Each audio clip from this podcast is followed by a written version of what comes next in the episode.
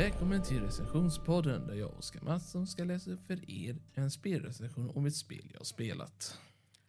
Veckans spel är Assassin's Creed Odyssey.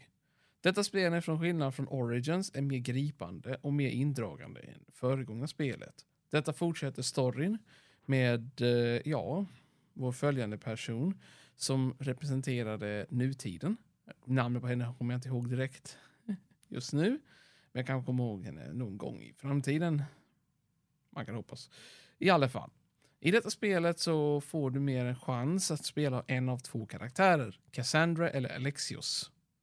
Dessa två karaktärer är genetiskt sett lika. Men valet är att din bakgrundsstory bygger på en av dessa två karaktärer. Och din bror eller syster är den andra. Men vad som händer får du uppleva själv. Jag tänker inte avslöja för mycket. Men jag kan berätta att den personen är stark inställning på att Sparta och hamna i kriget mellan Aten och Sparta. Detta spelas ut i Grekland mer eller mindre om ni inte har förstått det än. Vid peloponianska kriget, det vill säga. Vilket är det stora kriget när Sparta och Aten kämpar om kontrollen över hela Grekland. Detta hände ungefär samtidigt som Persiska riket höll på att ramla sönder. Ja, mer eller mindre. Jag tänker inte säga för mycket, men historien är historia. Du får senare välja sida eftersom att du spelar som en mystios eller en mercenary genom Greklands historia. En mystios är placerad inte på ena sidan eller andra sidan utan kan bestämma själv. Detta tillåter dig mer eller mindre att ha öppen tanke. Du kan hjälpa Aten, du kan hjälpa Sparta, du kan hjälpa bägge två, men det är alltid en sida du kommer att hjälpa till vinst för den zonen tills, ja, motståndarna gör en motattack. Då kan du välja att hjälpa motståndarna eller hjälpa försvararna. Detta spelet är eh, också byggt på DLC, vilket innehåller två stora paket. De heter Legacy of the First Blade och The Fate of Atlantis. I Legacy of the First, Bla First Blade följer vi den första, och jag menar verkligen den allra första assassinen, orden, som fanns inom persiska riket, som i sin tur han flyr till Grekland och hamnar i ja, kontakt med dig. Här är också alternativ historia som är ihopkopplad beroende på om du valde Alexios eller Cassandra. Så vitt jag har hört i alla fall, eller läst, så är Cassandra story huvudstoryn egentligen, men du får tillåtelse att använda Alexios om du väljer. Men så vitt jag har hört i alla fall så är main storyn att huvudkaraktären var Cassandra. I The First Play så, den första lönnmördaren någonsin som visar sig vara Deimos. Deimos är vad man kan kalla för första assassinen någonsin och hade kniven på ett visst sätt som gjorde dem unik. Istället för Hidden Blade hette den Fist Blade, vilket var ganska imponerande.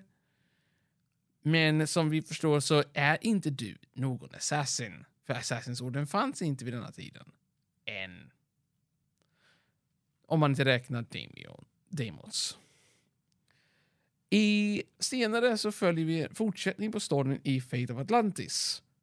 Där eh, Cassandra eller Alexios, beroende på vilken du har valt, hamnar i eh, ett ödesdigert val. Ska du bli väktaren? Eller, och som väktare måste du lära dig att kunna hemligheter, information och makt, som man kan kalla det. Jag finner detta spelet mycket värdigt sina poäng, i mitt fall. Mina poäng hamnar på 8,5 av 10. Och jag spelade ut allt. Och jag menade då alla uppdrag jag kunde hitta liknande. Jag, jag gav upp efter en viss tid och jag kunde inte göra alla sidouppdrag som de har lagt till automatiskt som gratis DLCer.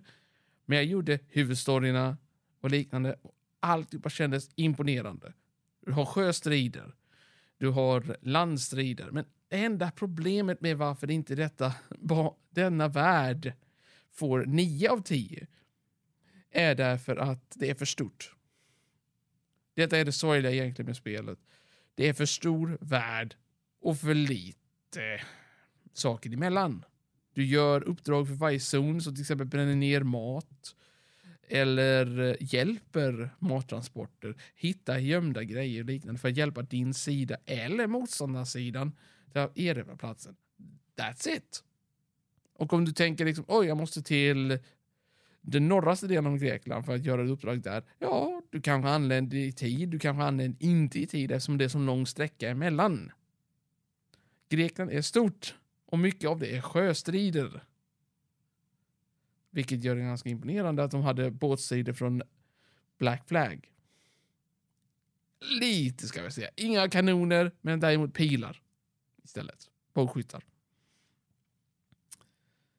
Ja, jag tänker inte avslöja mera, men eh, detta avslutar mer eller mindre Assassin's Creed-spelen nu. Om ni har också tittat på Valhalla crossovern jag gjorde. Eller lyssnat ska jag säga, ursäkta mig.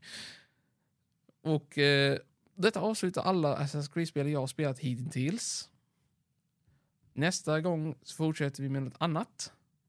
Så jag hoppas att ni njöt av denna recension. Tack för mig. Hej då! you